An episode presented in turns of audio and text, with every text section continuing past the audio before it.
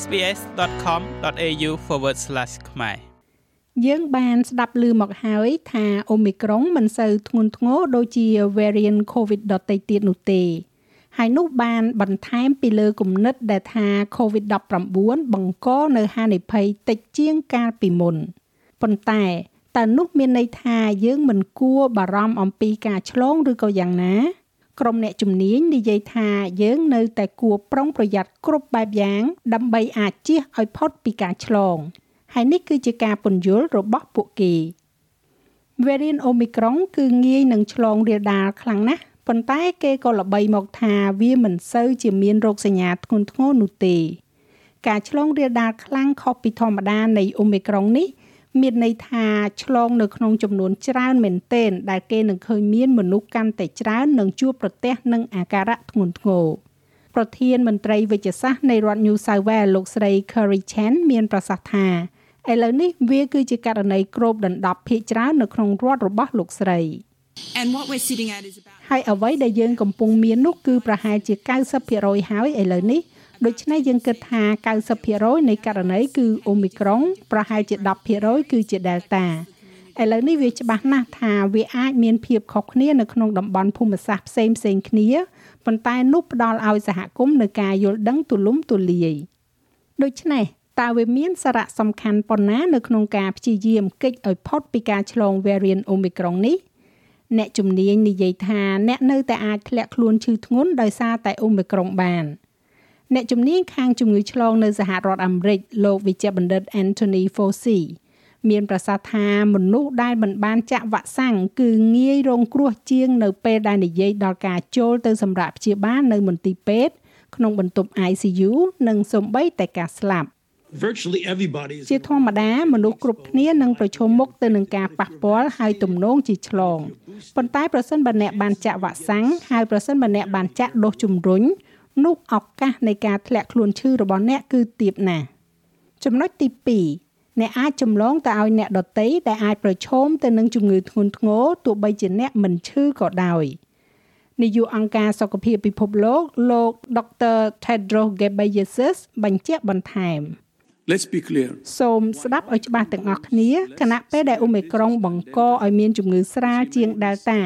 វាក៏នៅតែជាមេរោគដ៏គ្រោះថ្នាក់មួយ ជាពិសេសសម្រាប់អ្នកដែលមិនបានចាក់វ៉ាក់សាំងចំនួនមនុស្សស្លាប់ស្ទើរតែ50000នាក់ក្នុងមួយសប្តាហ៍50000នាក់គឺច្រើនពេកហើយហេតុផលមួយទៀតដែលត្រូវជៀសវាងពីអូមីក្រុងនោះគឺថាផលប៉ះពាល់រយៈពេលវែងរបស់វា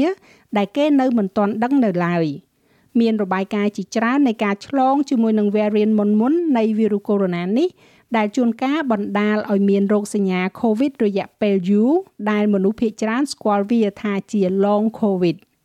ដុកទ័រ Noah Greenspan គឺជាគ្រូពេទ្យឯកទេសខាងព្យាបាលរោគបេះដូងនិងសួតនៅទីក្រុងញូវយ៉កលោកមានប្រសាសន៍ថា long covid គឺជាបញ្ហាដ៏ពិតប្រាកដខ្លាំងណាស់ The number of long haulers is staggering. ចំនួនអ្នកឈឺរយៈពេលយូរគឺគួរឲ្យភ្ញាក់ផ្អើលហើយខ្ញុំគិតថាជាញឹកញយចំនួននេះត្រូវបានគេនឹកស្មានមិនដល់ដូច្នេះខ្ញុំគិតថាវានឹងជាបញ្ហារ៉ាំរ៉ៃមួយមិនត្រឹមតែបុគ្គលប៉ុណ្ណោះនោះទេប៉ុន្តែគឺសម្រាប់រដ្ឋសម្រាប់ប្រទេសជុំវិញពិភពលោកគេនៅមិនទាន់ច្បាស់នៅឡើយទេថាតើអូមីក្រុងនឹងជះឥទ្ធិពលស្ងាត់ស្ងាត់ណាមួយដែលគេប្រទះឃើញជាមួយនឹង variant ពីមុនមុនដែរឬទេ ដូចជាអង្គបដិប្រាណដែលវាយប្រហារមកលើខ្លួនឯងការចុះខ្សោយនៃមេជីវិតឈ្មោលនិងការផ្លាស់ប្ដូរកោសិកាផលិតអាំងស៊ូលីនជាដើមដុកទ័រ Greenspan មានប្រសាសន៍ថាចំណេះដឹងរបស់យើងអំពីផលប៉ះពាល់នៃមេរោគនេះគឺគ្រាន់តែថោថៅនៅលើផ្ទៃខាងលើតែប៉ុណ្ណោះ So initially we thought that COVID ដំបូងឡើយយើងគិតថា COVID គឺជាបញ្ហាផ្លូវដង្ហើមអូខេហើយយូរយូរទៅយើងបានដឹងថាវាមិនមែនគ្រាន់តែជាបញ្ហាផ្លូវដង្ហើមទេ វាប៉ះពាល់ដល់ប្រព័ន្ធសរសៃឈាមបេះដូង វាប៉ះពាល់ដល់ប្រព័ន្ធសរសៃប្រសាទវាប៉ះពាល់ដល់ប្រព័ន្ធក្រពះពោះវៀន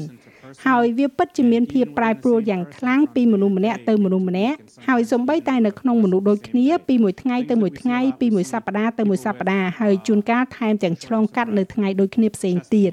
អ្វីដែលយើងឃើញច្រើន យើងឃើញមនុស្សដែលមានបញ្ហាជាមួយនឹងការដកដង្ហើមខ្លីៗឈឺទ្រូង ការដែលមិនធន់ចំពោះសកម្មភាពនានាដូច្នេះអ្នកដែលប្រហែលជាអាចធ្វើសកម្មភាពបានប៉ុន្តែក្រោយមកពួកគេមានអារម្មណ៍ថាអស់កម្លាំងឬក៏អស់កម្លាំងខ្លាំងឬក៏ពួកគេមានរោគសញ្ញាកាន់តែធ្ងន់ធ្ងរហើយយើងឃើញអ្នកដែលមានបញ្ហាក្រពះពោះវៀនទៀតផងយើងឃើញអ្នកដែលមានអ្វីដែលគេហៅថា dysautonomia ឬភាពមិនដំណើរការនៃប្រព័ន្ធសរសៃប្រសាទស្វយ័ត ហើយអាស្រ័យទៅលើការបង្ហាញរបស់អ្នកវាអាចមានទម្រង់ផ្សេងផ្សេងគ្នាវាអាចជាចង្វាក់បេះដូងលោតខ្ពស់វាអាចជាសម្ពាធឈាមចុះទាបវាអាចជាការវិលមុខឈឺក្បាល ជាថ្មីម្ដងទៀតវាប្រែប្រួលខ្លាំងពីមនុស្សម្នាក់ទៅមនុស្សម្នាក់ទៀតចំណែកឯថ្នាំដើម្បីព្យាបាលអូមីក្រុង នៅពេលដែលអ្នកឆ្លងវានោះក៏មានការខ្វះខាតផងដែរ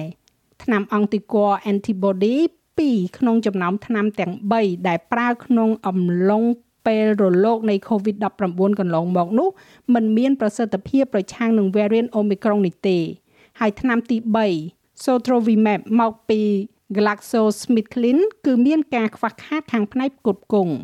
ហើយថ្នាំលេបប្រឆាំងនឹងមេរោគថ្មី ដែលហៅថា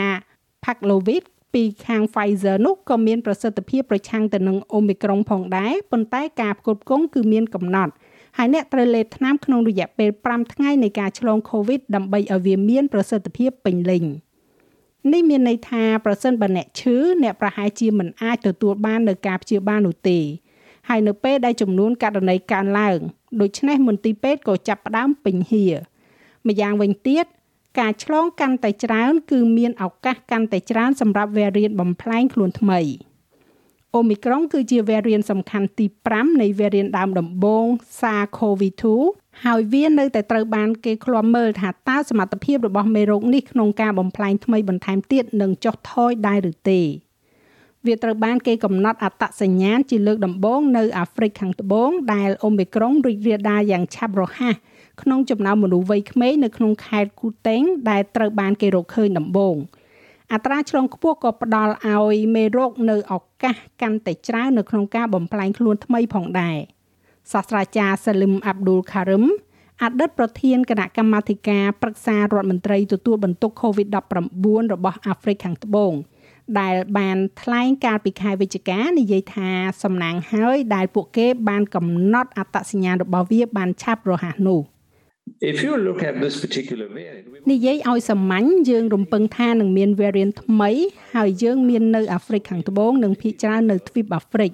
យើងបានដាក់ប្រព័ន្ធឃ្លាំមើលដើម្បីកំណត់អត្តសញ្ញាណ variant ថ្មីឲ្យបានឆាប់តាមដែលអាចធ្វើទៅបានដូច្នេះហើយយើងសំណាងល្អនៅក្នុងករណីនេះដែលយើងបានកំណត់អត្តសញ្ញាណវាបានឆាប់ បើអ្នកក្រឡេកមើល variant ពិសេសនេះយើងទៅតែដឹងអំពីវាប៉ុន្មានថ្ងៃប៉ុណ្ណោះនៅពេលដែលវាត្រូវបានផ្ទៀងផ្ទាត់វាត្រូវបានប្រកាសឡើងដូច្នេះយើងដឹងតិចតួចណាស់អំពី variant នេះតកតងទៅនឹងអាកប្បកិរិយារបស់វានិងរបៀបដែលវាបង្កជាជំងឺហើយនៅមិនមានការធានាអះអាងនោះទេថាវីរុសបំផ្លែងថ្មីនៃវីរុសកូវីដ -19 នឹងមានលក្ខណៈ slot boat ជាង variant មុនមុនរបស់វានោះទេ ចាស់ហើយរបាយការណ៍នេះចងក្រងឡើងដោយ Ellen Lee សម្រាប់ SBS News ហើយប្រាយសម្រួលសម្រាប់ការផ្សាយរបស់ SBS ខ្មែរដោយនាងខ្ញុំហៃសុផារ៉ានីចូលចិត្តអ្វីដែលអ្នកស្ដាប់នេះទេ Subscribe SBS ខ្មែរនៅលើ Podcast Player ដែលលោកអ្នកចូលចិត្ត